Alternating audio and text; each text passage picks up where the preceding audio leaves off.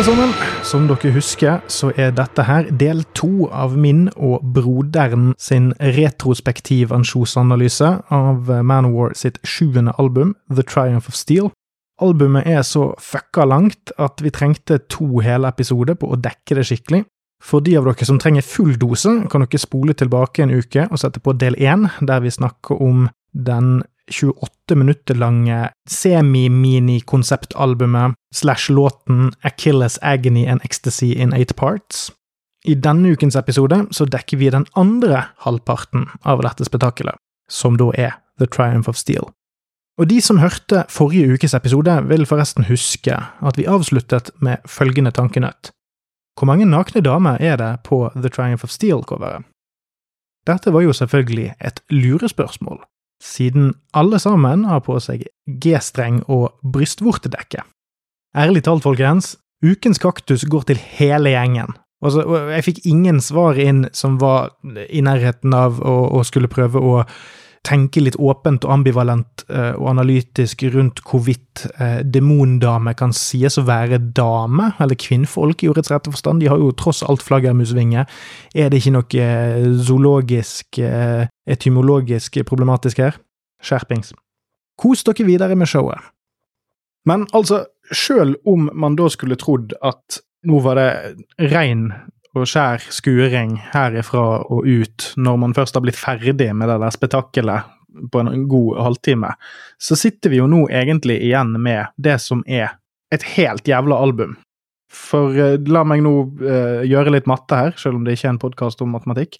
Uh, dersom du trekker fra hele Akilles fra spilletiden på 69 minutter, så sitter man fremdeles igjen med et album på 42 minutter som er ganske solid uh, etter Manowar-standarder. Uh, det er lengre enn opptil flere av de andre studioalbumene som har instrumentallåter. Uh, og det er ingen instrumentale på denne biten av albumet. Så disse 42 minuttene her er ganske spekket på Manowar-standarden. Så nå skal vi rett og slett benytte oss av anledningen til å gå gjennom et helt nytt album som er en del av dette første albumet. og det er det som er morsomt med dette albumet, er jo det at dette er favorittalbumet mitt, til Manowar. Samtidig som vi nettopp har snakket om 28 minutter av favorittalbumet mitt, til Manowar, som jeg ikke hadde noe særlig forhold til før vi skulle spille inn denne podkasten. Det er jo en, en todelt beist, dette her. Mm. Og uh, når man ser på strukturen her, så er det jo òg egentlig altså jeg kjenner òg til denne delen av platen mye, mye mer. Eh, men som jeg skal komme tilbake igjen til når vi prøver å runde av dette helvete, så, så er det en del eh, outliers her. Eh, og jeg, jeg, lurer på om det kanskje er den, den pussigheten her som gjør at det er favorittalbumet mitt òg. Men det skal jeg komme tilbake igjen til seinere. Men det som åpner da eh, del to av dette her, er jo da eh, Metal Warriors, som kort og godt kan oppsummeres som Kings of Metal del to av uh, Onde tunge. Og den smeller jo i gang, uh, som uh, begge våre mobiltelefoner gjorde i ganske lang tid. Jeg, jeg hadde dette som, som ringetone på mobilen min når man fikk lov til å begynne å bruke MP3 som ringetone. fordi det starter jo med 'Every one of us has heard the call'. Og, jeg gjorde akkurat det samme. Uh, og jeg har aldri angret på noe så mye som det. Eh, jeg syns det var kjempemorsomt og en god idé, men når du har bitte litt telefonskrekk, eh, og ikke liker at telefonen ringer, så er det utrolig dumt å, legge en av favorittlåtene dine med å kombinere det med telefonskrekk. Jeg gjorde jo akkurat det samme, bare med sånn vekkerklokke med The Day That Never Comes av Metallica. For jeg tenkte at den introen var veldig sånn fin og grei å våkne til, og så får du noe med basstrommeslag. Men det gjør jo bare at når jeg hører introen til The Day That Never Comes, så får jeg fullstendig noia. Så jeg eh, anbefaler ingen å bruke favorittlåten som, som vekkerklokke eller eh, ringelyd. Det er jo derfor uh, You Wake Me Up Before You Go Go er go to uh, vekkerklokkelåten. Ja, den ville ikke vært noe tap for meg å bli for panikkangst av uh, å høre sånn ellers. Det kunne sikkert bare vært nyttig. Eller, eller det ville jo kanskje en eller annen gang uh, når man er på Bad Taste Party, så finner jeg fosterstilling borte ved hjørnet. Ja, men det er der jeg lurer alle med å la være å gå på bad taste parties. Så okay. det ordner seg greit. Du må huske det at når man bikker en viss alder, så er alle parties bad taste parties. Nå begynner dette. Aldersstikkene kommer. Ja. Men eh, for å gå tilbake igjen til låten her, så er jo dette her Jeg tror det er, for min del, så er det topp tre uh, Manowar Manowar-låter. Altså det er altså man, man, har jo litt sånn uli, Jeg har litt sånne forskjellige divisjoner. Sant? Altså du har liksom de store episke sangene, du har uh, balladene, og du har uh, litt mer sånn actionfylt sånn Jeg er tøff-låtene. Men dette her er jo Manowar som står på en scene og synger om hvor kule Manowar er. Og det er jo kanskje den ultimate uh, Manowar-sjangeren. Uh, og det er den her, Kings of Metal og Call to Arms. Det er de tre kniver veldig om å være best off uh, for Mm. Uh, Det er jeg enig i. sånn to Arms er en bedre kjørelåt. ja. Uh, og, og altså, jeg, jeg tror kanskje jeg holder Call to Arms høyere av en del forskjellige grunner, men det er så eh, weirdly specific at uh, jeg tror ikke det er aktuelt i denne settingen å begynne å mase om engang. For det som er så utrolig gøy med den her, er det at det er en av de aller mest Manowar-sangene. Den har kanskje tidenes største samling av uh, Joey sine Manowar-isms i tekstene. Og det er power chord-bonanza. Det, det er Joey begynner med denne chugga-chugga-bassen sin, uh, som, som er egentlig litt sånn herlig uinspirert. Den er der Mm. bare for å holde takten og la alle andre uh, danse og styre. Noe som egentlig jeg syns er ganske sympatisk med, med Joey sine litt nyere tendenser. At, altså, Mm. at han, han velger å strippe ned det han putter ned, og la andre dra lasset litt. Og det syns jeg er litt fint, med tanke på hvor mye kontrollfrik han er, egentlig. Ja, det er jo en positiv måte å se på noe som kan tolkes som latskap. Ja, men, eh, men jeg liker det. ja. Jo da, og det funker jo, men det er jo og Jeg tenkte på det i stedet når jeg sa at dette er favoritt-Manor-platen min, så tror jeg jo det først og fremst er fordi at det er den første Manor-platen min. Eh, fordi at musikken er jo i stor grad mye enklere her enn enn den er i, i eldre Manowar. Og de eldre albumene kom jo til meg seinere, og dermed så var de kanskje litt rare, og så, for de, var ikke, de hørtes ikke ut sånn som min første plate. Eh, men det er jo definitivt her chuggingen begynner. Ja, ja og den, den er jo til stede på eh, de to forrige òg, men her, her, kom, her kommer de mer kombo med eh, mer eh, bottom end, altså det er Mm. mer volum i bunn. Men det, altså, jeg elsker denne sangen mer enn jeg egentlig klarer å beskrive, for den er så fuckings herlig kompromissløs. Mm. Det er ingenting her som på noe som helst vis tillater lytteren å, å være nøytral til hva de hører på. Mm. Du, helt uavhengig av hva, hva du liker å leve med her i livet, så er det Du kan ikke høre på denne og tenke sånn Ja, ja, det der har jeg hørt før. Dette her det, det er helt normalt. Dette er sånn som alle driver med hele tiden. Og jeg syns òg det er jeg vet, jeg vet- ikke om jeg er helt enig med at uh, dette albumet her er, er enklere enn en 80-tallsgreiene. Altså Uten at jeg er noen eh, stor musiker på streng eller sånt, så vil jeg si at den er mange av låtene er mye mer eh, frenetiske og nesten litt sånn proggy sammenlignet med en del av eh, de tingene fra de fire første platene, eksempel. Det, det, det, er ikke, det er ikke noe feil i å tenke det. det. Det er rett og slett egentlig bare litt mindre gitarriff, litt mer chugging. Eh, Mm. Komposisjonen i seg sjøl er jo ikke noe enklere enn Eller ja, Ja. sånn som det på en måte alltid har vært i Godstein. Det er veldig, veldig likt, likt oppbygde låter sånn egentlig. Men som du sier, mye høyere tempo her enn i mye gammel Manowar. På flere av disse, ikke denne nødvendigvis. da. Ja, og så, eh, Men det, det, det som er bra med den her, er jo først og fremst det, altså du har dette, altså den, denne rytmen som bare går og dundrer. Det er, fordi at den er, ikke, den er ikke like rask som, eh, som eh, Kings of Metal. Den har ikke den samme hooken, men den, er, den, er, den handler om det samme og, og er bygd på litt samme lest at eh, det er disse frasene som driver, eh, driver låten.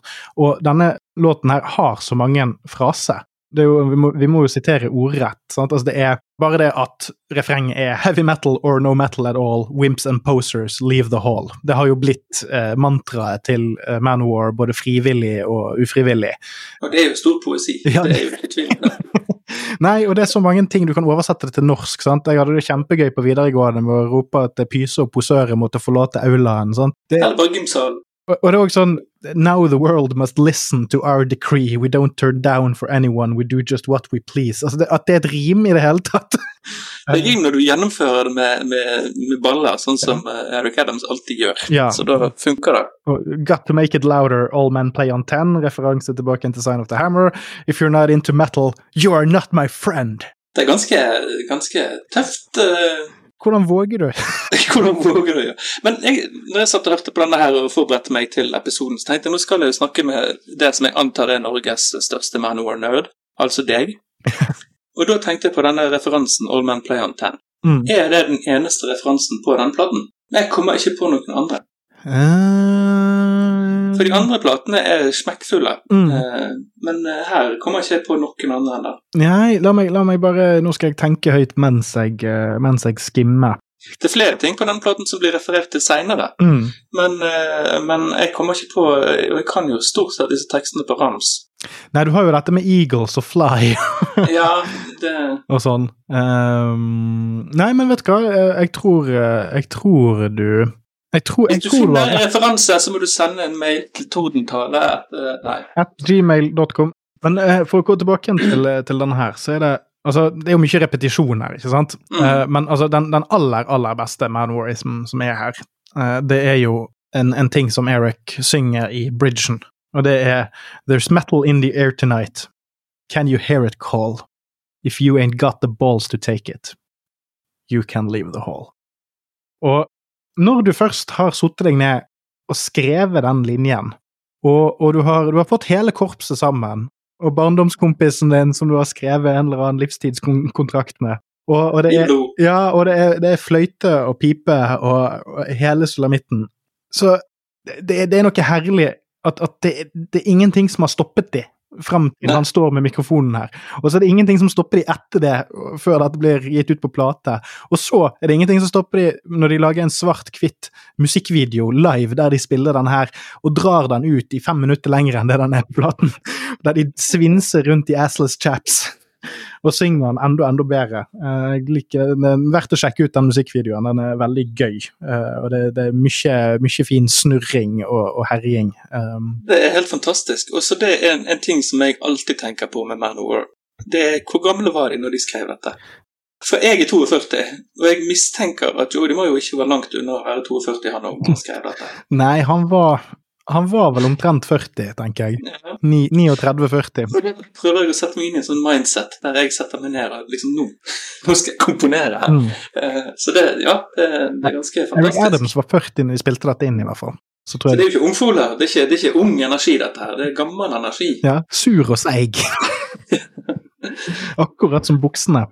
Ja, ja, ja. Eh, Men, men det, det som er, for, for å trekke dette over til noe annet enn bare For det, det er jo det som, er det som skaper entusiasme for meg som fan. Så er det den, denne lyden og, og dette denne herjingen. altså det, det, det full, og, det er det at det er så nedstrippet. Det er et veldig Mm. nedstrippet rift, det er et veldig nedstrippet komp, men det er det at produksjonen bare løfter dette her.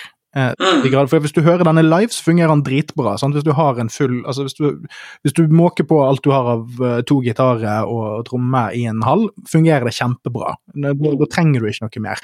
Men det som skjer her, er jo at uh, det er et ekstremt godt eksempel på hvordan, hvordan layers i produksjonen gjør det til et epos. Uh, det, det er sånn Du kan kanskje ikke høre det med det blotte øret, men det er, det er så mye gitarer, det er så mye bass og, og sånn subtil reverb eh, rundt denne pakken her. Og eh, ja, eh, ja som, som jeg sa, eh, jeg elsker denne sangen mer enn jeg klarer å beskrive, og det er nesten noe man er nødt til å høre for å tro. Ja, og det, jeg, når jeg er tilbake igjen på gutterommet i 1994 nå, så var det likevel ikke her det oppsto for meg. Å ja, det er jo eh, Det er neste låt eh, det skjedde, men eh, det, det husker jeg veldig godt. At, eh, når, når fantasyen kom inn. Men altså, jeg er jo helt med deg på det her med eh, Manowar synger om Manowar. Så er jo det definitivt eh, de tre du nevnte, og ikke så himla mange andre som kniver om deg, den øverste der, altså. Men det er, jo, det er jo bare en gro- grommelåt, rett og slett. Eh, og er Manowar på sitt mest Manowarske. Ja, men vi kan jo gå over på nummer eh, tre, da. Ride, Ride the Dragon, som, eh, Mm. Jo er jo en av de mindre heldige titlene her. Og eh, det er jo en co-write fra David Shankle. Den første jeg kan spore. Eh, jeg tror ikke det er noen andre enn Joey som er kreditert på hele Agony and Ecstasy. Noe jeg ikke tror på, for å være helt ærlig, men det, det er jo en annen sak. Men, eh, Mm. men det som er sånn apropos dette med referanse og, og, og sånn eneste Det er òg en ting som kanskje er med å gjøre dette albumet til favoritten min. Det er det at det er mange uh, one and only her. Mm. Uh, for eksempel denne låten her. Manwar har aldri lagd, verken før eller siden, en eneste annen high fantasy-låt. Nei, og den er skikkelig high fantasy. Og jeg, jeg tenkte veldig på det når jeg satt og forberedte meg til, eh, til dette her, at uh, altså For det første så var det denne sangen her som liksom fikk meg inn i, i Man of War-mytoset. Altså Ikke mytoset sånn som det er bygd i, i over 40 år, men det å, å, å leke med fantasy og metal Mm. på den måten som de gjør. Men det er ikke dette som er favorittsangen på låten nå, men det var denne som liksom fikk det til å klikke på plass. Men det jeg også tenkte på, var liksom det her den der Konan-connection som ikke bare jeg har, men veldig mange har, koblet til dette albumet òg. Og så er det egentlig ikke Konan, det er, det er fiendene til Konan. Nesten i alle låtene, bortsett fra en av dem, men så, så er det liksom alle de Konan slåss mot, stort sett, som, som har en sang Ja. Medisinmenn og, og magikere. Ja, ja, ja. Sett sine folk, liksom. Mm. Et te Temple of Set som prøver å mane fram en demon et eller annet sted. Og, ja. Så um, jeg bare syns det var litt morsomt, for at, uh, det er veldig mange som har denne Konan-koblingen til, til Manowar, men så er det kanskje ikke egentlig Konan. Nei, det er jo det jeg har kommet fram til med hele dette kjøret her, eh, gjennom alle platene, er jo det at det er, det er ytterst få låter som egentlig kan kalles Konan-esk. Altså, de, det, det, jeg tror kanskje til og med ikke engang på Sign of the Hammer så har du en, en regelrett barbarsang der, der Konan-figuren trer fram. Fordi den eneste måten Manowar er Konan-aktig, er det at denne manifestasjonen av bandet som Faceless Warrior er. Altså, han er jo på en måte Manowar. Mm. Så det er jo ikke, men, men det er jo bare sånn figurativt. sant? Hver, hver gang Eric Adams synger, så synger han ikke egentlig som noen altså Det er veldig sjeldent han synger som en konkret person. Det gjør han oftere her på denne platen, men generelt sett så synger han som en deltaker i noe større, eller som en, en eh, Altså Nesten som en sånn tredjepersons uh, altså Selv om han er førsteperson, så er det nesten litt sånn at han er koblet fra Mm. det han forteller om. Altså Det er ikke, det er ikke sånn 'jeg er Konan', men det er det, det virker som det er mer for, uh, kraften til Konan er det de Ja. Det er det som er det, det, det, det, Dette Oh, yes. muskelsymbolikken som, er- som er koblingen. Det er ikke at det er eh, Det er ikke historien. Men, men det er likevel liksom flere sanger på den platen som føles som at de foregår i Konan-universet. Eh, Det er bare det at det er ikke Konan det handler om, det handler om alle de andre kodetingene som skjer Rett rundt hjørnet. rett rundt hjørnet, eller rett før Konan kommer, kanskje. Og rive ned alt og drikke. Ja, og ødelegge all moroa. Eh, Men den, ja, denne her sangen her er jo, det er jo rett og slett bare en sang om eh, drageryttere som slåss på, oppe i himmelen, Ja. eller oppe i, i skyene. Det, det er ikke verre enn det, det er bare det det handler om, og det funker som bare juling. Ja, og, den er, og det, er, det er en veldig stakkato-låt. Det er veldig mye sånn Mm. stakkato-riffing her. Så det er sånn, du føler nesten at, at, at man er altså, man er i luften med de, at det er sånn aerial battle uh, med måten uh, altså, og, og her er jo David og Rhino sluppet løs. Skikkelig. Mm, Eh, absolutt. og, og, og det er noe som bærer med altså, Det nevnte jeg jo på Akilles òg, men det er, det er fascinerende hvor mye plass de får. eh, I forhold til hvor ja, dominerende Joey skal bli seinere. Eh, og, og så er det jo også igjen, eh, Jeg kunne tenkt meg å få høre en trommis forklare litt eh, hvordan man blir kreditert som trommis for hva du bidrar med på et album. For det er så utrolig åpenbart at Rhino er med å prege hver eneste låt han spiller på. Han spiller jo trommer på en måte som Scott Columbus aldri har gjort, så det er jo et helt annet preg på dette enn Ja, og det blir langt mer dobbel basstromme etterpå. Og jeg, jeg lurer jo på om det er grunnen til at uh, Scott Columbus til slutt uh, stikker igjen for godt, uh, på grunn av at han får for lite input i studio til å spille på sin egen måte. Og at det kanskje har blitt litt trommemaskiner på noen av de litt seinere albumene før han ga seg. mm. Eh, så det er jo definitivt en greie. Men du sa at det er kun Joe DeMaio som har writing credits på Achilles. Ikke faen om han har sittet ned og, og skrevet den fem minutter lange trommesoloen til Ryan. Nei, det er jo ikke Det snakk tror ikke jeg på et sekund. Nei, men da, da må det ha noe med Hva har han skrevet? Liksom? Mm. Er det, er det det å, å, å skrive ned en akkordprogresjon og skrive tekst, er det det, som, er det det som gir deg en writing credit? og er da alt annet studioinnsats. Fordi man, det, Mm. det er jo en forskjell på hva du får uttelling for med studio, studiospilling. Det er sånn Jason Newsted eh, ble jo mangemillionær på å ha spilt på de store Metallica-albumene. sant? Mm. Men han, Han har noen writing credits noen, noen veldig få, sant? Men, men det er jo fordi at han, han har spilt på de platene, og, og sikkert tjent godt på turnering. Da. Men han, han har jo da tjent godt på at de albumene har solgt godt òg.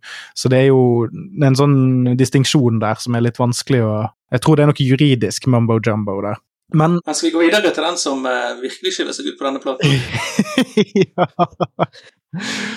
Spirit Horse of the Cherokee nummer fire. Og her har vi jo egentlig òg en låt som jeg tror lider veldig av en altfor lang intro. Jepp. Det er flere av de på denne platen. Ja, og eh, jeg vil bare si denne her og uh, Power of Thy Sword, de to syns jeg er jævlig rå, men uh, de, de er de, de er whistleblowers for, Whistleblowers.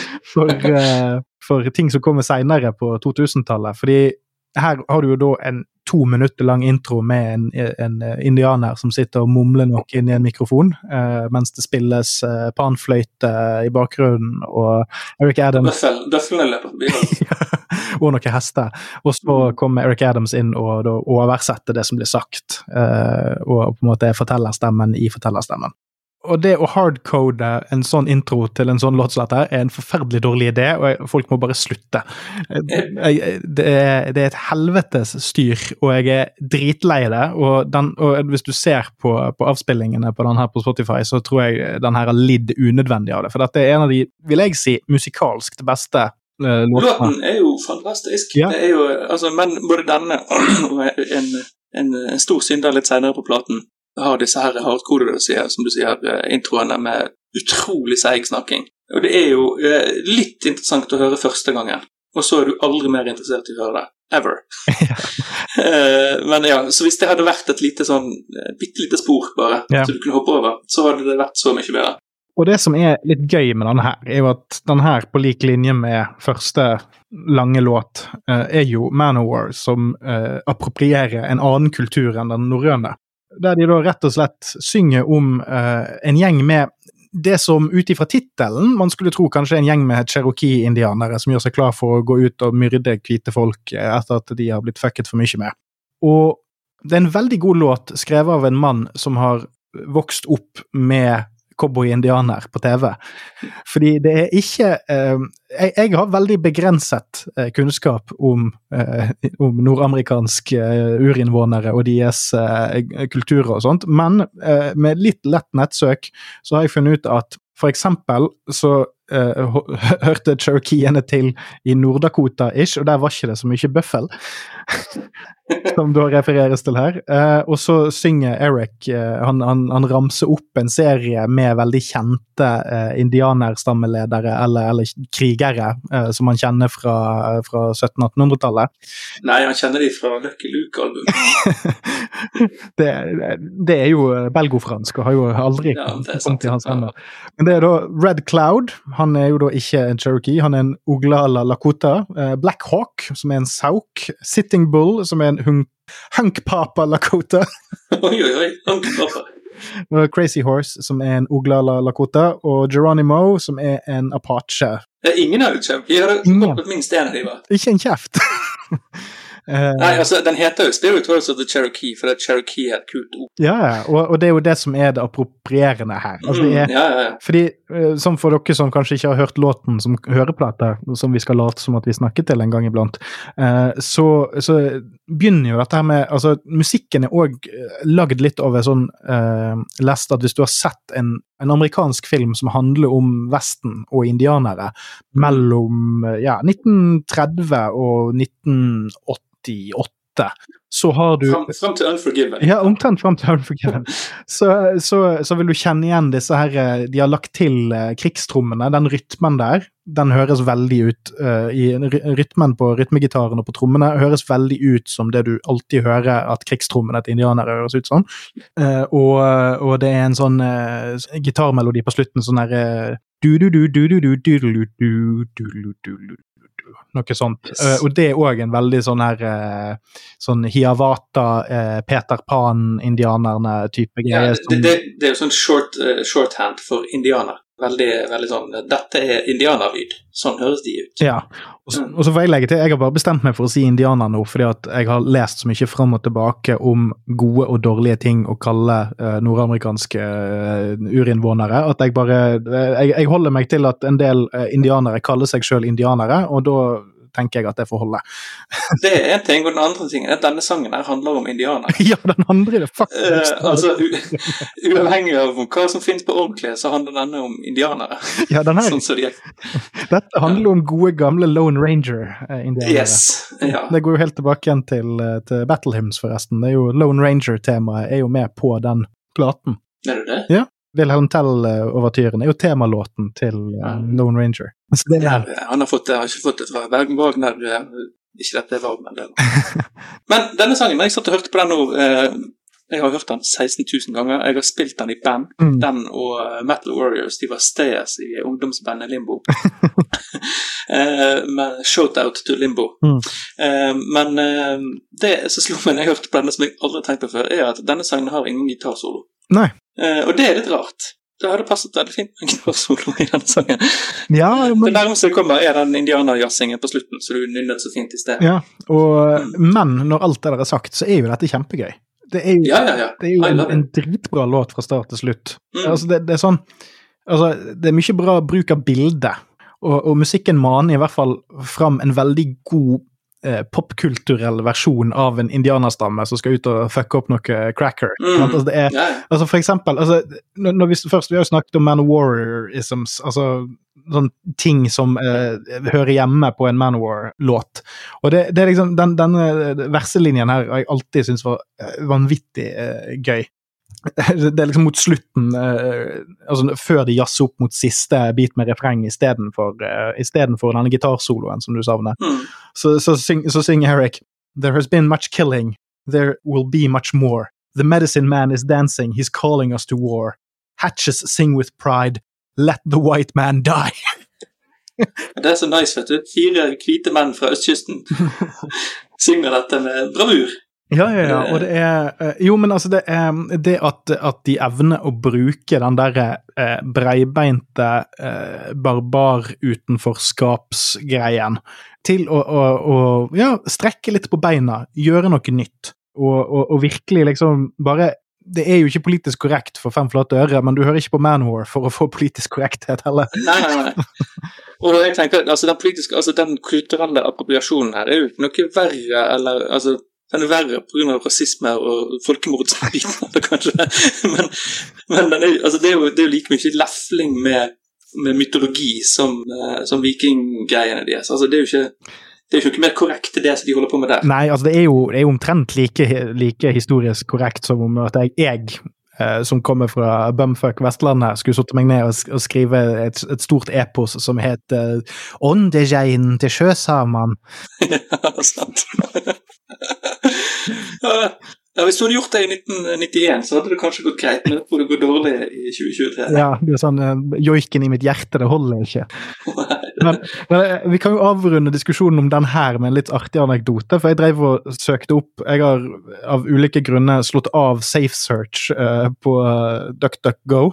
Så jeg, jeg, jeg fikk jo opp, uh, opp søkeresultatet fra Stormfront, som da er det amerikanske nynazistiske diskusjonsforumet. Eh, og en nettavis, kanskje. Uh, men det var litt gøy, for der var det en fyr som hadde postet den her, og sa at den her syns jeg er ganske bra, fordi at uh, det er jo tøft, da, og så er det jo sånn, så ser man det fra indianeren sitt perspektiv, sant? Og så ble det bare en shitstorm med en gang før det kom inn folk bare sier nei, dette er en sang som handler om white guilt, og det er ikke tøft, og jeg kommer alltid til å hate Man War fordi at de solgte seg ut. I 1991. Ja, ja, det, ja og, og, og så bare sånn på på to-tre poster så er det jødene og, og verden. Ja, ja. Og det var, så, det var bare så herlig å se. Jeg, var litt redd når jeg klikket innpå, for jeg har alltid liksom tenkt ja, altså sånn, Jeg, ser for meg at Manowar kan ha noen litt sånn uh, høyre-nazistiske drittfans eh, her og der, som jeg aldri har møtt. Men det var bare så digg å se at de klarte ikke å, å føre en samtale som varte mer enn eh, to utvekslinger om temaet. For da, da tenker jeg, da er, da er Manowar nazi-proof. Eh, hvis, hvis de ikke klarer å samle seg rundt, eh, rundt noe. Nei, men det, det, det gjør det ikke. Det hjelper ikke med en diger sånn der uh, naziaktig ørn uh, abs hvis, ikke, hvis man selger seg ut til white guilt og sånt, så da er toget gått. Men det er jo, det er jo et snev av white guilt her, da. Det kan jeg for så vidt være enig med deg i, Mm. i den grad man skal gi dem noe. Men ellers er det jo bare den tradisjonen som jeg føler de jeg kan ikke nok om musikkhistorien til det, men som de som har startet, og som, som Sabaton og sånn holder i livet, for å feire badasses from mer eller mindre ekte historie. Ja, og så skal ikke, vi, skal ikke vi tenke så veldig nøye over konsekvensene av å feire disse her. Nei, nei.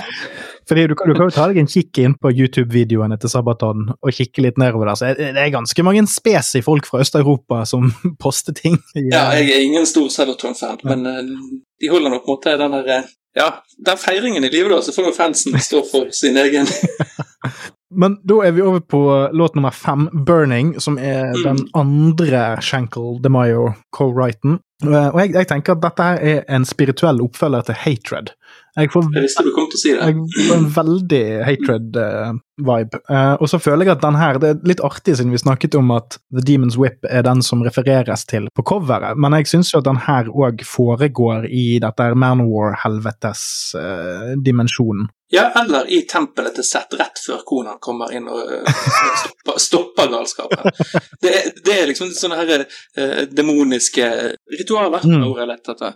Eh, med liksom blod og uh, altars og fire og ja. Du ser liksom bare for deg at det er lenket en sånn jomfru et eller annet sted til en sånn søyle i bakgrunnen. og ja, så jeg, Det er liksom blitt min sånn følgesgreie gjennom her, at det her, det her handler liksom om øyeblikket før kona og hjelper, hjelper med den der.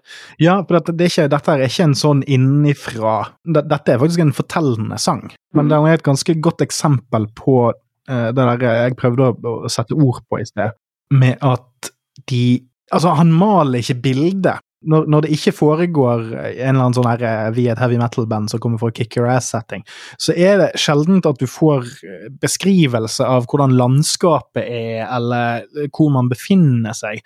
Det er mer masse, masse referanse til ja, altså ritualene, eller hva de gjør, eller, eller litt sånn mer malende ord eh, i seg sjøl, og ikke, ikke landskapet man befinner seg i. Ja, men altså denne, denne teksten her, det er jo kanskje den mest liksom sånn dryppende teksten han har skrevet. Mm.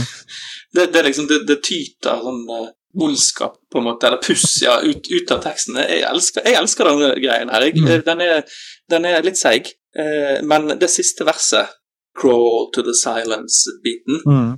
det, det, det er mitt favoritt-øyeblikk liksom, på platen. Du har den på Achilles med den ene crescendoen der som var ditt favorittøyeblikk. Ja, på, på Hector. Her, ja, ja, på Hector, ja.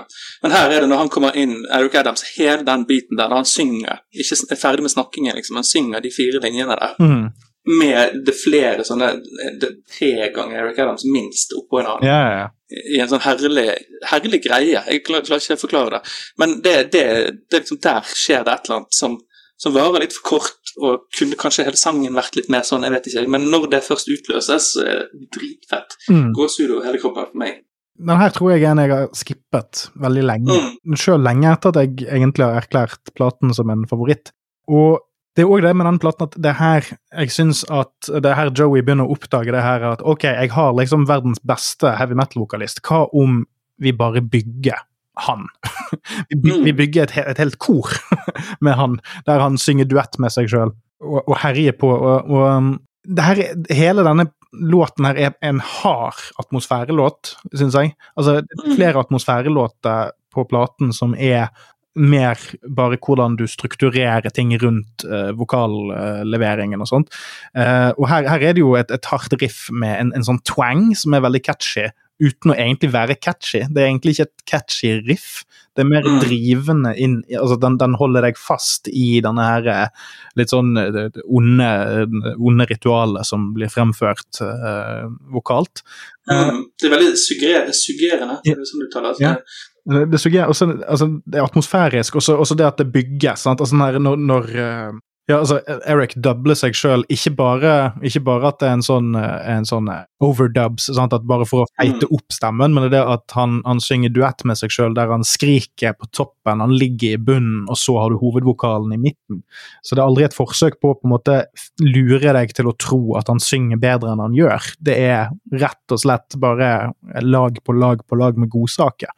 Det er det, og så varer det så kort i forhold til hvor lang sangen er. For det, det bygges opp med, med de her snakkeversene, som han òg gjør veldig bra. Det kan jeg egentlig gi en kred for òg. Altså, det er jo ikke flaut å høre på han resitere Nei, nei, han er tekst. han skulle blitt prest.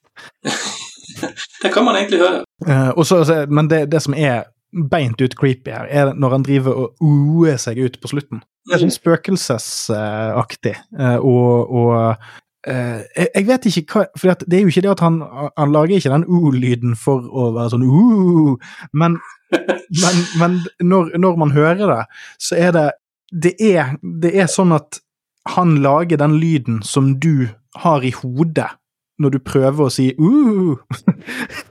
Det er den lyden han lager. Jeg tror jeg, vet hva du mener. Ja, ja altså det, det er Hvis du er ute i skauen og du hører noe Du hører vinden blåse på en sånn måte at du tror det er et dyr, så er det sånn. Mm. Og, og det er den følelsen han prøver å putte inn her. Eh, og Jeg, jeg, liker, jeg liker hvor du vil med det. Jeg er nødt til å høre sangen en gang til før jeg kan si om jeg er enig eller ikke. Mm. For jeg, nå hører jeg på en måte denne o-ingen sånn som jeg hørte den sist. Mm. Uh, men eh, jeg har ikke tenkt på den på den måten. Jeg har bare tenkt på det som en, en outro, liksom, uten å legge så mye mer enn fordi at jeg har blitt så uh, filleristet av, av det han har sunget før det. Mm. Så har ikke jeg liksom tenkt så mye på, på den outroen. Så det er en interessant tanke. Ja, og da er vi eh, over på låt nummer seks, The Power of Thy Sword, som er en lovlig lang sang i forhold til hvor lite som skjer, på mange måter. Men jeg, eh, jeg klager egentlig ikke. Men dette er jo andreutkastet til 2000-talls Man of War, og da er det i den forstand at det er chugga-chugga-riffing, episk refreng, eh, en lang, rolig midtseksjon, der det gjerne repeteres et vers litt rolig eller sombert, eller at det kommer en sånn eh, liten balladebit der, og så før det er pang eh, tilbake igjen med det harde på slutten. Det er eh, sånn fire av fem eh, harde Manwar-låter fra 2000 og fremover er bygd på denne lesten her. Eh, det som gjør at denne her skiller seg veldig positivt ut, sånn sett, er det at det er rett og slett bare en veldig altså det, det er som om de blander sammen en av de fire siste låtene på Warriors of the World, altså Fight Until We Die eller et eller annet sånt, eh, med Black Wind, Fire and Steel. Ja. For at han har på en måte farten og, og, og, og, den her spydspissaktige den, det, er det er en veldig slank låt. Den, den, den er Mm. ikke tung, den er veldig, den er veldig skarp. Uh, Ja, den er det. Den ligger lyst altså, sier lyst, men altså, den er lett i lydbildet i forhold til det mye annen metal på en måte gjør. mm, Og det jeg tenkte på når jeg hørte på han òg, er at det, det som er fint med denne sangen her, og som er fint med Manowar på sitt eh, mest bombastiske sånn Conan Fantasy-verden, det, det, er jo en ren sånn power fantasy. Du får nesten samme følelsen av å spille av å høre denne sangen som liksom spille Doom eh, 2016. Altså, et eller annet sånt som virkelig bare slår. Eh, og du kommer eh, bedre ut av det etter å oppleve det, for det er så fett. ja, ja. Og eh, altså, den, den begynner jo Det er jo også bare det der at den begynner eh, med at, at du kan se for deg at det står to-tre karer oppe på en, en åstopp og trekker sverdene. Sant? Altså, du, du hører bare noe vind, og så hører du noen folk som trekker opp sverdet fra en slire. Akkurat når de treffer hverandre, så begynner sangen. sant? Ja, og den fektingen mellom versene, Mm. Den, den er bare sånn helt nydelig rytmisk. Ja, den er De de har prøvd å gjenskape, ja, og de har prøvd å gjenskape det på, eh, på Gods of War, der det bare blir sånn pinglete ploing, ploing, ploing-lyd. Men her, her bare du kjenner lyden av sverdene, og det er rytmisk sånn Og så begynner vers nummer to. Liksom. Mm. Ja, og, og så er det den perfekte blandingen av et utrolig basic eh, metal-riff og denne dobbel basstrommen. Bare mm, yeah. driver det så til de grader. Og så er det og igjen dette med bare et kor av Eric Adams. her. Her sitter jo Joey med, med høyre-venstre-kanalspaken og bare Ja. dirrer. Denne her er jo klin umulig å, å gjøre live uten, uh, uten tapes. Vi, vi fikk jo sett, eh, sett De spilte den jo nesten omtrent for første gang på 2019-turneen. Jeg tror de bare spilte den kanskje én gang før. eller annet sånt. Ja, de jukset ikke noe der. Han sang det vel på et eller annet mystisk vis? vil du kjenne? Uh, det de gjorde der, var at altså, For at han synger um, 'Power of My Sword', Ja, der går det ikke. Nei. Så, så der, eh, der er det sånn at eh, på låten så synger han det, og så synger han linjen en gang til mens den forrige linjen repeteres. Sånn at han alltid Det er litt sånn, nesten litt sånn uh, høyt i et tre i California-kanon gående. Og så er det jo på slutten så bygges det opp et stort kor med 'They will know the power'. Mm. Altså, det, det bygges. Uh, og sånn som de gjorde det der, var det at jeg tror de bare kjørte en ekko på det første han sa, eller at de bare hadde spilt inn en veldig lik som gikk i bakgrunnen, sånn at han fikk puste, og så var det en, en tape på slutten. Men han sang jo sin beat, det han kunne synge fysisk, sang han jo. Men det, så vidt jeg har sett noe fra de siste Manowar-konsertene jeg var på, så har de jo eh, trommis med, med headset og klikk. Mm. Og da går det an å gjøre sånne ting, og ha sånne ting på tape uten at det blir rot. Ja, ja, og det, det, det er liksom den, det nivået av tape jeg uh, syns er helt ok, for da får du da får du lagd noe som høres litt mer ut sånn som det var på platen, men det er ikke, det er ikke mer juksing enn det du strengt tatt må. Altså, du det, det er ikke noe som fysisk sett er mulig å gjøre. Um, Men man snakker om denne her eh, høyre-venstre-greien som de har gående på den platen på mange, mange sanger. Der er jo denne og mye på Achilles. Men Ride Dragon er jo kanskje det største eksempelet på det. Mm. Har de gjort den live? For det kan jeg ikke se for meg at går an. De gjorde det på uh, enten uh, Triumph-turneen eller på den Secrets of Steel-turneen som de gjorde et par år etterpå. Ja. Uh, de, de har gjort den live. Jeg har sett opptak av det. Jeg har ikke fått, lagre, jeg har ikke fått tak i kopi, men jeg har sett det. Men altså, som jeg var litt inne på når det gjelder eh, denne sangen, så er det egentlig en perfekt miksing av det elegante og det brutale med Manwar. Mm. Med, med Manowar. Altså, lydbildet i starten er, er liksom så clean, og så, og så er det det blir aldri hardt, men det er det at det er fremdeles tungt, uh, på et sett og vis. Og så er det, det og noen fantastisk gode Manowar-isms her. Uh, Let us drink to the battles we've lived and we've fought. Celebrate the pain and havoc we have wrought. Åh, sjefskiss. uh, og uh, refrenget som er The clash of honor calls to stand when others fall. Gods of war, feel the power of my sword. Og det er den derre Gods of war. Det, altså, bare den derre Bare bildet av en fyr som gauler. Se på meg! Yes. Og så når man kjenner hele Manowar-katalogen, så føles det som en referanse. Ja, Men framover. det er vel kanskje første gangen de sier Gods of War. Så Ja, det er um, kanskje ikke det, men eh, det er Ja. iallfall ingen sang som heter Gods of War før dette. Det er jo det Nei, som er Det er nok første gang, om, ikke, om du ikke tar feil. Men det jeg Ja. syns er litt rart med den sangen, er at den heter The Power of Thy Sword. Men den synger bare om The Power of My Sword. det høres som tittel, så er det sånn eh, Når du leser dette på, på baksiden av et cover, eh, litt sånn fnisende fordi at det er en eh, halvnaken barbar på coveret, og så, og så leser du 'The Power of My Sword'. Der har du det. Det er rett og slett for å unngå eh, penisreferanser. Ja. Nå når vi da går over til uh, låt nummer sju og en ny Shankle, DeMayo co-write, eh, The Demon's Whip, så må jeg eh, be om litt tålmodighet mens jeg finner fram bookleten. Fordi før, før innspilling så tok jeg og bare bladde litt gjennom bukletten for å, å, å se om det var noe artig der. Og det, jeg, man skal jo passe seg for det, for man kan jo henge seg opp i mye rart. Eh, men da har de da dedications til eh, forskjellige folk på de forskjellige låtene. Eh, da er det sånn eh, Achilles for Dina Weinstein.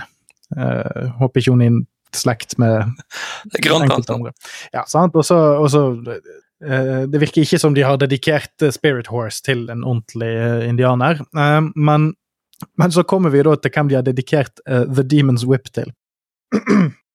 For all the motherfucking bastards who have tried to stop us on our sacred ride, fuck you all, eat shit, suffer and die slowly listening to our music. oi, oi, oi. Det er så bra. Det er så Joey DeMaio som du får der. Ja, det er, det er litt av en salve. Det er litt av en salve, og det, du skal liksom Du skal grave litt for å finne det. Det er ikke sånn som, det er ikke sånn som alle, alle finner det der. Jeg, jeg kunne tenkt meg å sett, eh, sett Joey i et lyskryss. Fuck the world! Eat shit and die! Men ja, denne sangen her er jo kanskje kroneksempelet på, på prate-intro-helvete. Den timet jeg faktisk, og er, det tar 1 minutt og 20 sekunder før eh, bandet kommer inn. Og det er jævlig lenge. Ja, for den her føles lang. Mm. Det gjør ikke Power of the, Thy Sword. Nei, det er jo bare de her sverdene, liksom. Det er jo nesten ingenting i forhold. Jo, men de, de to låtene er nesten mm. like lange. Det er jo sånn et sekund. Begge to er 7 minutter og 50 sekunder, cirka. Mm. Ja, denne eh, sangen føles lengre. Ja, men den, den, når den først tar seg opp, så blir den jo bra. Mm. Eh, og dette er jo kanskje den mest proggy og overproduserte på hele platen, syns jeg. Mm. Eh, og så syns jeg det er litt distraherende med sånne stokklyder, sånn, sånn arkivlyder de bruker noen steder. Det er jo kjempegøy. Eh, både før og seinere så kan man jo plukke opp sånne hestelyder som man kjenner igjen fra filmer og sånt. Mm. Uh, men så hang jeg meg opp i en sånn kattelyd som jeg kjenner igjen fra Ninja Turtles. Uh, men når han først kommer i gang, så er det jo fy faen for et riff. Altså, det er et, det er et, et vanvittig riff mm. Eh, på den her. Det er nydelig. Og slø, det sløyt det var kanskje ordet jeg vil bruke om det, det hovedriffet før, før, det tar helt av og bare blir uh, chugging på E. Ja. Um, så, så, er jo det, det er veldig sånn deilig riff. Det, det, er spesielt når du får den vrengen uh, i oppløpet på, på refrenget. Mm. Der, der, du får nesten et sånt halvstopp i riffingen. Da, sånn dydun, dun. Yes, uh, og så er jo solopartiene nærmest klassisk og sånt. Uh, men så klikker jo låten i vinkel jo lenger og lenger den varer. Sånn 12 000 km i timen på slutten, og så føles det, det som du har fått juling når den er ferdig. Jeg timet ikke det denne gangen, men jeg mistenker at den, denne sangen her må ha en eller annen slags rekord for, for lengst bruk av én akkord. um, For det er liksom, den, De siste to minuttene er på en måte bare Nå har jeg ikke sjekket hvilken akkord det er, om det er E eller Fiss eller hva det er for noe, men det er bare den ene akkorden drrrr, mens han synger to vers oppå det, og denne Demons Whip-greien på slutten. Og ja, det, det, tar liksom aldri slutt. Det er bare en sånn jevn uh, angrep på uh, jeg, jeg, skjønner ikke hvordan det går an å spille inn noe sånt. Når vet du at du skal slutte? nei, de vet jo åpenbart ikke når de skal Nei, kanskje ikke. ja, Det er det som er problemet. Men ja, nei, det er jo, det er jo nydelig. Eh, og når det kommer til de her stock soundsene som du snakket om i sted, så er jo den der dragegrowlen som kommer, mm. eh, og den lille knurringen som ligger der rett før det tar fullstendig av oh. Jeg liker det så godt. det er ikke sånne lyder som jeg nødvendigvis har hørt andre steder, da. Mm. Den knurringen er nok bare en hund de har plaget litt, men Eh, det er litt sånn herlig sånn drage Du hører liksom at dragen blåser ild mm. helt i starten der. Det, det er òg veldig, veldig god lyd. ja, og det, det er sånn, sånn før, før, vi går inn for landing, så, så, kan vi bare ta en liten sånn Altså av Altså, hele første låt er jo atypisk. Mm. Uh, og så vil jeg si at de mest typiske låtene, altså som er, som er ikke-utfordrende, uh, eller, eller, som er sånn Går inn i en i en katalog, på en måte, mm. så er det bare Metal Warriors, Spirit Horse og låt med åtte Master of the Wind. De tre av åtte er veldig typiske. Mm. For jeg, jeg, vil til og med holde Power of the Sword litt unna, uh, den, nettopp fordi at den er så den, den, er litt i limbo. Poenget mitt er i hvert fall at det er veldig mye utypisk her. Det er ekstremt lite Altså, Jeg ville kanskje byttet Power of the Sword og Spirit Horse der på den listen din. For Spirit Horse, gitt at den handler om indianere og har den indianerrytmen og sånn, så føles den mer utypisk. Mens Power of the Sword, du, den, den dukker på en måte opp igjen, både mm. på Gods of War og altså den, den typen sang. Uh, så for meg oppleves ikke den så utypisk, kanskje. Mm, men ellers er jeg jo enig i at det er, det er en plate med det utypiske, dette. Jeg er helt enig, eh, mm. egentlig. Jeg, den korreksen der eh, bøyer jeg meg av for. Og vi kan vel egentlig bare hoppe over til nummer åtte, fordi at det er jo Før vi gjør det, vil jeg stille deg et kjapt spørsmål. Ja. Fordi at en gang i 1991 eller annet, så satte jeg meg ned og tok opp det han sier baklengs i den uh, Demons Whip. Mm. Og så hørte jeg hva han sa, og så har jeg glemt fullstendig. Ja. og jeg fant det ikke på nettet noe sted. Uh, husker du i farten hva det er han sier i baklengsbiten? Nei, men det kunne jeg funnet ut mens vi sitter. Mm. Tror jeg. Jeg har aldri prøvd å gjøre det baklengs i Audacity.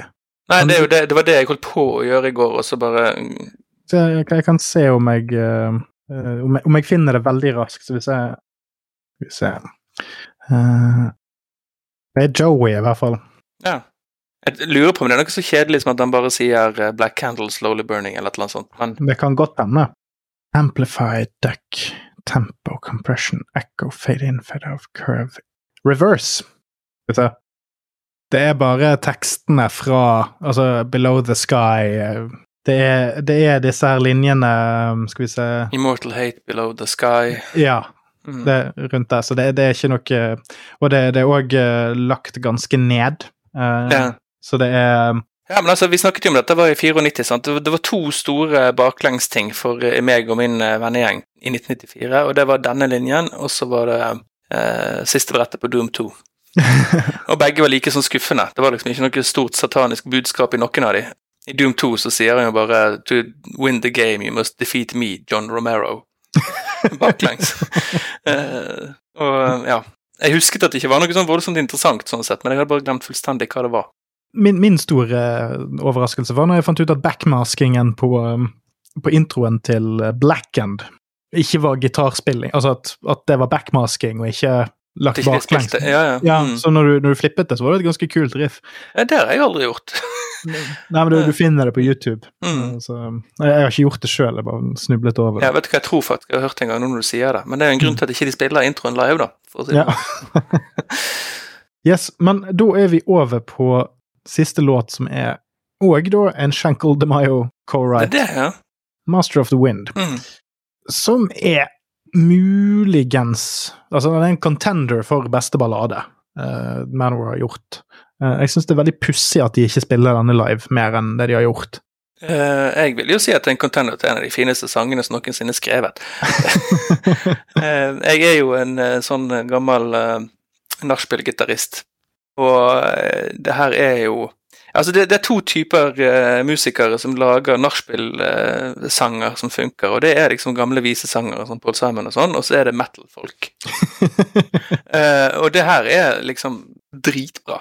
Mm. Eh, jeg elsker denne sangen, og eh, plager min kone og mine barn, barn ukentlig med forskjellige gitar- og pianoversjoner av denne. Eh, så, så jeg har bare gode ting å si om den. Kanskje plasseringen på platen er litt rar.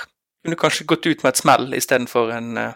Jo, men jeg, jeg syns det, òg bare passer veldig godt inn i uh, hele denne statement-følelsen jeg får gjennom hele platen.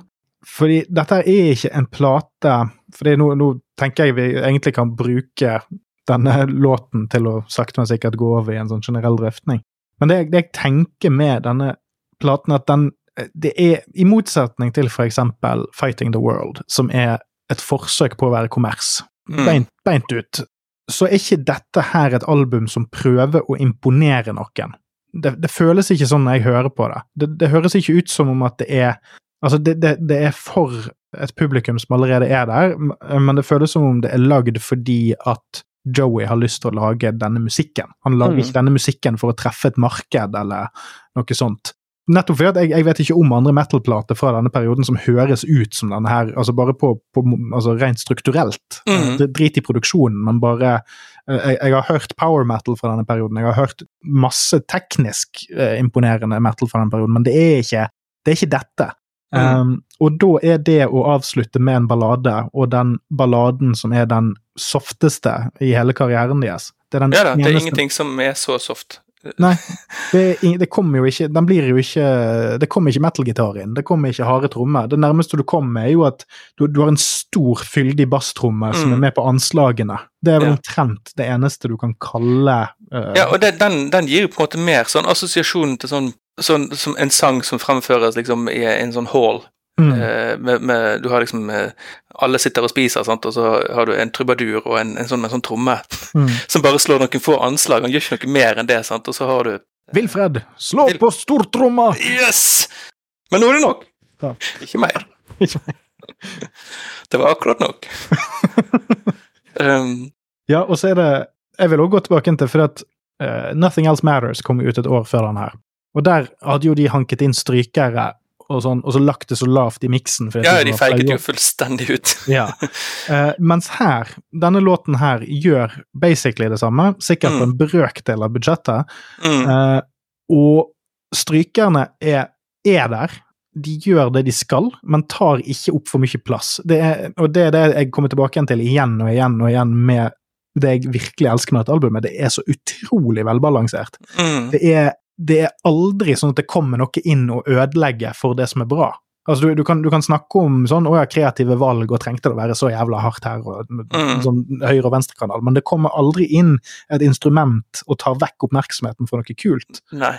De vet alltid hva som skal få pusterom. Det som er morsomt, er jo at de har helt på tampen av denne platen her, som er deres sjuende, så har de på en måte bare gjemt det som rett og slett er en minimalistisk Manowar-sang. Den Eh, eneste, kanskje. Den eneste. Eh, og det, altså den, den har jo patos og det, her- det trommene du snakket om og sånn, men i forhold til liksom det man forbinder med Manowar og den der In Your Face-greien og sånn, så er jo dette her bare helt nedstrippet. Og utrolig pent. Eh, så ja, det står Og- høyt oppe på min liste over, eh, over eh, metal-ballader. Og den har jo en av de mest fantastiske eh, informasjonsbitene jeg noen gang har funnet på Genius. Den, den har én annotering på eh, Genius Lyrics. Jeg er spent. Ja, altså det, det, er jo, det er jo på en måte det at den er så positiv, denne sangen. sant? Altså den, Mm. den, den handler jo faktisk om at ting blir bedre. Noe som du sjelden får inntrykk av Joey Ja, ja. sitt liv. Ordner seg. Det ordner Ja, seg. Så da, da, er det, da er det verselinjene And for any day that stings, two better days it brings. Nothing is as bad as it seems. Og den er da annotert. Eneste på hele sangen. These lines sum up the song's meaning perfectly. There might be bad times in your life, but there's always even more great times. Det er sånn, sånn Homer Simpson-book. Ja, ja. det, det var noen på den der eh, på Akillas òg som var Mm. Jo, det var, det var de her trommene. Dette kan høres ut som noen som lager en rustning, kanskje. Men ja, det, det, er, det er flotte saker. Og det er jo òg veldig gøy at, eh, at dette òg er en sånn ting som kommer tilbake allerede på neste plate. Sant? Med The Master of the Wind. At det plutselig blir en Jeg vet ikke hva, hva The Master of the Wind egentlig er, og hva han gjør. Men det er iallfall tydeligvis veldig fint da, å være The Master of the Wind. Jo, men, men eh, kanskje en subtil Konan-referanse. The four winds know. Kram laughs at your four winds. men, men det er jo òg den litt det, det, sånn fine bildebruken og sånt, da, eh, er jo at eh, for eksempel de sier sånn Here the four winds know who will break and who will bend, all to be the master of the wind. Sånn, så det er jo en Mm. eller annen sånn Master of the wind det er en slags eh, metafor for uh, ja, altså at du, hva enn målet ditt er i livet. sant? Og så brukes det break or bend på at altså, Kommer Ja, ja, du til jo- å knekke ryggen din, eller, eller, eller bryte sammen pga. at du ikke får til det du vil, eller vil du klare å bøye deg ved, med, med motgangen og, og komme deg videre? Mm. Og det er artig, for det er, det er jo det nærmeste jeg har hørt Manowar komme og si at kompromiss er en løsning.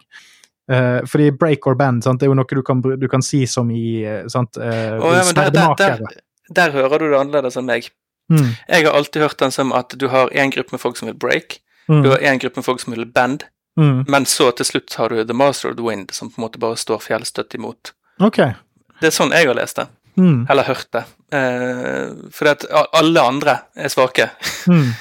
i War sin verden, sant. Mm. Men The Master of the Wind Nei, for jeg, nei, for jeg leser det som i en sånn sverdmakergreie. At, Ja, jeg skjønte- jeg at et, et, godt sverd vil, altså et godt sverd eh, bøyer seg, sant? For Mm. eller, eller vil, eh, vil ikke uh, hvis, hvis du slår det for hardt det i, i, i the making of, så vil du ende opp med at det knekker når det treffer noe. jeg, er helt, jeg er helt med på den, men det, Mm. jeg holder den likevel knapt på min. Ja.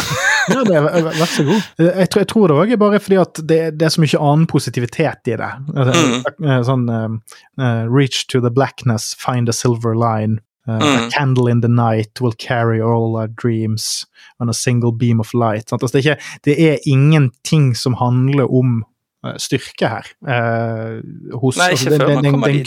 Gruppe, nei, Mm. så jeg, jeg tror det er en sånn individuell greie. Who knows, det funker i hvert fall metaforen som du sa, sant? hvis man er inni altså det her med, med det å bøye seg for å ikke bli knak knukket av vinden. du trenger ikke gå til sverd engang, du trenger bare gå til trær. Du tåler vinden, du blir ikke liksom slått i bakken eller brukket. Ja, for det er jo ikke Altså, altså det, det er jo ikke kompromiss, egentlig. Eh, Eller det, det er et kompromiss som ikke dreper deg. Ja. ja, men det handler jo om å stå imot det som kommer din Mm. vei. sant? For at Any Day That stinks, som jeg alltid trodde var stinks. Eh, men det rimer ikke på brinks. Brinks. Um, men sant, alle disse dagene som stings, det er jo denne vinden som prøver å blåse deg over ende, sant? men så bøyer du deg. Så jeg kjøper metaforen din, for all del. Mm.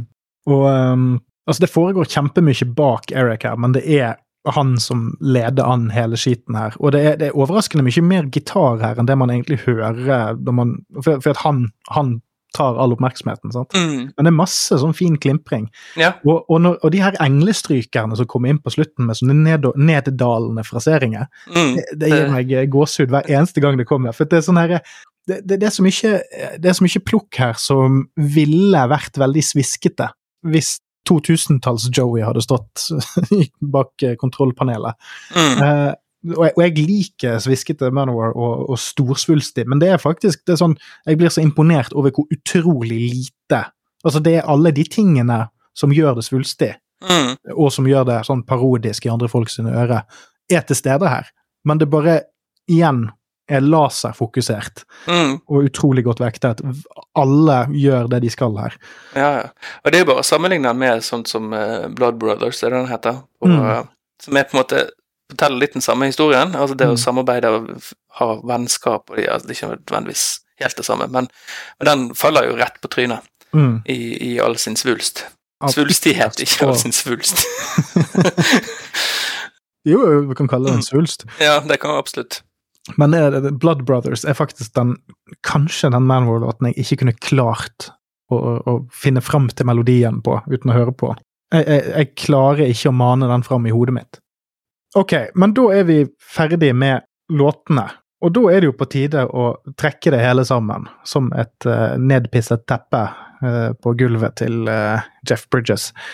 Og det som er så Jeg nevnte jo dette her med at hvis du trekker fra disse her minuttene, så er dette en solid 42 minutter, det vi har snakket om nå til slutt. Mm. Sant? Altså Andre halvdel av dette albumet er et veldig solid heavy metal-album med veldig lite dødtid, bortsett fra de tingene vi plukker på. Så i seg sjøl så er dette et album som kan konkurrere med i hvert fall Kings of Metal og en del andre Manowar-plater i å være i seg sjøl en, en veldig stacked eh, samling med låter. Eh, men så hiver du Akilles på toppen av det. Og som jeg var inne på når vi snakket om Akilles, så er det det at dette er avbæret med Manowar, at du må, jobbe, du må jobbe litt for å like disse platene. Fordi det er ingen av de som er perfekte. Uh, Sjøl de aller beste, sjøl om du skulle like hver eneste låt på Battle Hymns, så har du fremdeles den der uh, jævla bassoloen. Akkurat det Mm. samme med Hail to England og Sign of the Hammer. Der er det også, alt, der trekker det ned noe. Uh, på, på Into Glory Ride så er det det at de soser litt rundt, og jeg liker ikke Hatred. Noen liker Hatred veldig godt, men der, den er litt ubalansert. Fighting the World er, er altfor polert og har eh, noe pussig sånn her eh, The Lion is Dead-chanting. Eh, og Kings of Metal har altfor mye klassisk musikk og mannskor og Pleasure Slave i enkelte territorier. Så det er alltid et eller annet som gjør at du kan ikke si 'den her'! Mm. kan du sette på uansett. Uansett hvem som er her, så kan du sette på den her, og så vil du bare bli forelsket. Sant? Altså, det er, du, må, du må ha Vet en du, hva, vet du hva, der tror jeg faktisk at uh, hvis jeg skulle sittet på en plate for en som aldri har hørt Manwar før, mm, og ikke liksom skulle blitt flau underveis altså for en eller annen ting, mm. uh, så tror jeg det måtte vært eh, Loud Them Hell. Men, men der har du faktisk problemet med disse to uh, instrumentallåtene på den òg. Det har du faktisk rett i. De har jeg Ja. bare glemt. Mm. Ja, ja, sant? de har du òg skippet over veldig lenge. Nettopp. sant? Men ja, og det, det er jo eh, Og det, det lurte jeg litt på, for du er jo dypere inne i denne her Manowar-fandom Mm. enn det jeg noensinne har vært. Og det jeg plukket opp fra det du har snakket om før, og når vi sto i kø til Manowar-konserten sist og sånn, det er liksom dette med de første fem eller de første fire, det er liksom Det er greit å like, men alt etter Hvor er det liksom eh, den allment aksepterte Manowar-fans sin cutoff point er? Hva, hva er Manwar sitt Black Album? Manwar sitt Black Album er Det er enten Kings of Metal eller Warriors. Mm. Det spør, det Jeg har alltid tenkt det var. Kings of Metal, men uh, Men det spørs hvor gammel du er, rett og slett. Ja. Eh, For folk på min alder så er det Warriors. For det, Ja. det, er den andre perioden de på en måte var store. mm, Eh, og de fire første det er jo på en måte cutoffen når man snakker med folk som ikke er Manwar-fans. Altså sånn, Når man snakker om Manwar sin plass i generell metal-historie Ja, og innflytelse. mm, Eh, Det er jo nesten ingen utenfor Manowar-fandomen som i det hele tatt vil røre i noen av disse platene her med ildtang, egentlig. nei, nei, Eh, og, og, og spesielt den her har en syns jeg har en pussig stilling. fordi at jeg skjønner ikke altså En ting er at hvis, hvis du har vært med til og med eh, Kings of Metal, så fatter jeg og begriper ikke hva det er med denne platen her som gjør at du detter av lasset. Altså, nå snakker jeg om de som er litt eldre enn oss, altså de som, Mm, ja, de som var tenåringer på 80-tallet. Ja, altså de som, de som begynte med Hail to England, eller der omkring, sant? Ja, vært med på den overgangen til Kings og Ja, for jeg, jeg kan skjønne at du detter av på fighting, det kan jeg skjønne, men hvis du først har holdt ut til Kings, Mm. så skjønner jeg ikke at denne platen her er et sånt break-off point for deg. For, for her, her gjør de så Altså, de gjør det som eh, jeg har begynt å tenke mer og mer på eh, jo eldre jeg blir. At ja, jeg liker å få ting som jeg er vant med, men det er jo det alle metal-fans går rundt og maser om hver eneste gang eh, det er et eller annet de henger seg opp i. Så er det at nå, nei, men da gjorde de den tingen, så ble de forandret de seg. Og så neste gang så er det sånn å ja, men de lager bare det samme om og om og om igjen. sant? Altså, Du kan her ikke prøver de vinne, noe sant? nytt. Nei, du kan ikke vinne. Og her er det altså, her er det mye pussig du kan trekke ned platen på, men jeg, jeg fatter og begriper ikke at man kan si at den her er crap. Det skjønner jeg Nei, ikke. det- De, det, det de folkene jeg, forstår jeg meg ikke på. Nei, ikke hvis du har vært med hele veien. Jeg kan forstå det hvis du ikke er liksom inne i, i sjangeren eller eh, Mm. bryr deg om det. Men, men eh, det er jo litt sånn interessant, for, at for min dette var min første plate med Manowar. Black Album var min første plate med Metallica. Mm. Og du får jo en helt annen Altså, når jeg leser folk på nettet som liksom uh, Justice for All, liksom, det var siste gode platen til Metallica. Etter det så var alt bare crap. Mm. Og så kom jeg inn på Black Album og syntes at den platen er helt fantastisk. Det er min Metallica-plate. Og så vet jeg jo nå at nå er det jo folk som har load og reload som sine Metallica-plater. sant? Og så Mm. blir det så jævla subjektivt at folk går rundt og later som at disse tingene er objektive. Ja, ja, ja. Og det er jo kanskje det som er kjepphesten som går mest som en rød tråd gjennom eh, dette showet her, er jo Mm. at det er jo bare piss. Folk må jo få lov til å mene hva de vil, men jeg syns at det stort sett er dårlige meninger som de ikke har noe Ja. som helst annet enn sin egen personlige kjepphest å, Yes. å ri på. Men det er det som er gøy med den her, for å trekke det litt videre her. Nå er det to ting avslutningsvis, for vi har, vi har vært igjennom vi har vært igjennom mye. Jeg, jeg er veldig tydelig på at dette er mitt favorittalbum. Kanskje ikke av det jeg sånn ville dratt fram som det mest klokkereine, eh, solide albumet, men, men sånn dette Kanskje nettopp fordi at det er så mye nytt her, og at jeg, jeg er ikke ferdiglyttet på dette albumet. For det er, Mm. det er mye motstand i det. det. Det er litt slitsomt å høre på til tider, men det er ikke slitsomt på en sånn eh, enerverende måte. Det er mer det at jeg må være i humør for det. Mm. Eh, og det gjør at jeg ikke har hørt denne i stykket, sånn som jeg nesten har gjort med Kings eller med, med Hail to England og sånn. Og øh, det andre er at Det var en ting jeg kom på nå mens vi snakket. Og det, det er jo at Joey slipper de andre til veldig mye, men jeg tok og sjekket nå mens vi snakket, og David Shankle har flere writing credits på denne platen enn det Ross the Boss har på de siste tre studioalbumene. Han har ingen writing credits på Fighting, tror jeg. Men det sier jo noe om sweet spoten til denne platen her, da. Mm, Den har, den har liksom blitt til i en, eh, en setting som ikke uh, var tidligere, og ikke oppsto igjen. Uh, og da får man jo noe som er annerledes, og uh, til tider, til tider magisk, og til tider litt sånn å ja, dere prøvde det, ja. Fem minutter trommesolo. Eh, men by all means må prøve. Hvis det hadde funket, så hadde jo folk snakket om det i, i tiår etter tiår, den fantastiske platen med den episke trommesoloen. Men det Mm. ble ikke sånn, da. Men, eh, så ja, det, det er jo litt, eh, litt stilig det der, at det, det er i overgangen fra før stormannsgalskapen eh, tar fullstendig overhånd, kanskje. Vår venn, onkel Joey.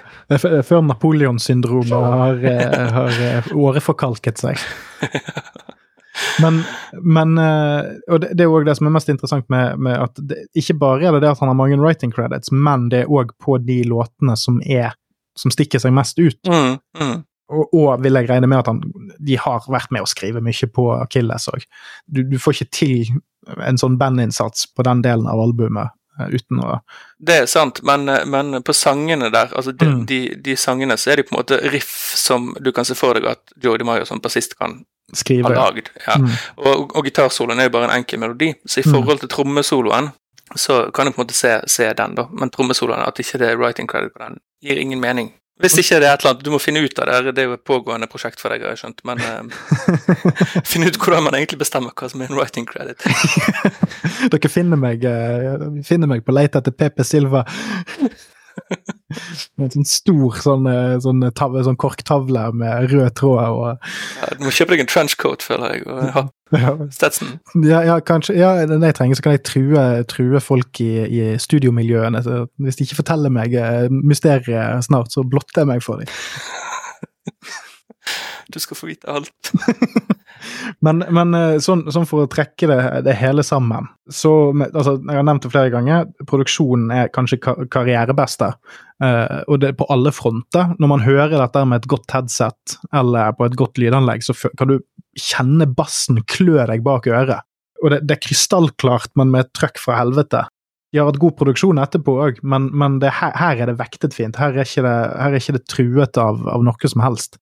Men jeg, før vi liksom runder helt av, så vil jeg bare si Føler vi at disse to delene, dette dobbeltalbumet, hører det sammen?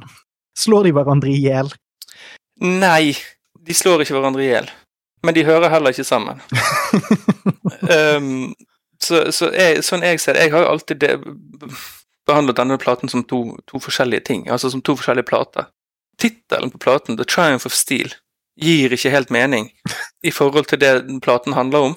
Og um, jeg tenkte liksom umiddelbart at ja, på en LP, hvis man hadde hatt liksom kunne delt opp sånn at den uh, akillesbiten var én en side, ikke, Mm. ikke to sider, men én side, og så var alt andre på en annen side, så hadde det vært kult, men altså, det hadde fremdeles ikke hengt sammen, egentlig. Men jeg mener jo at det er flere altså Litt tilbake til den diskusjonen du hadde med han du hadde på, på Kings Metal.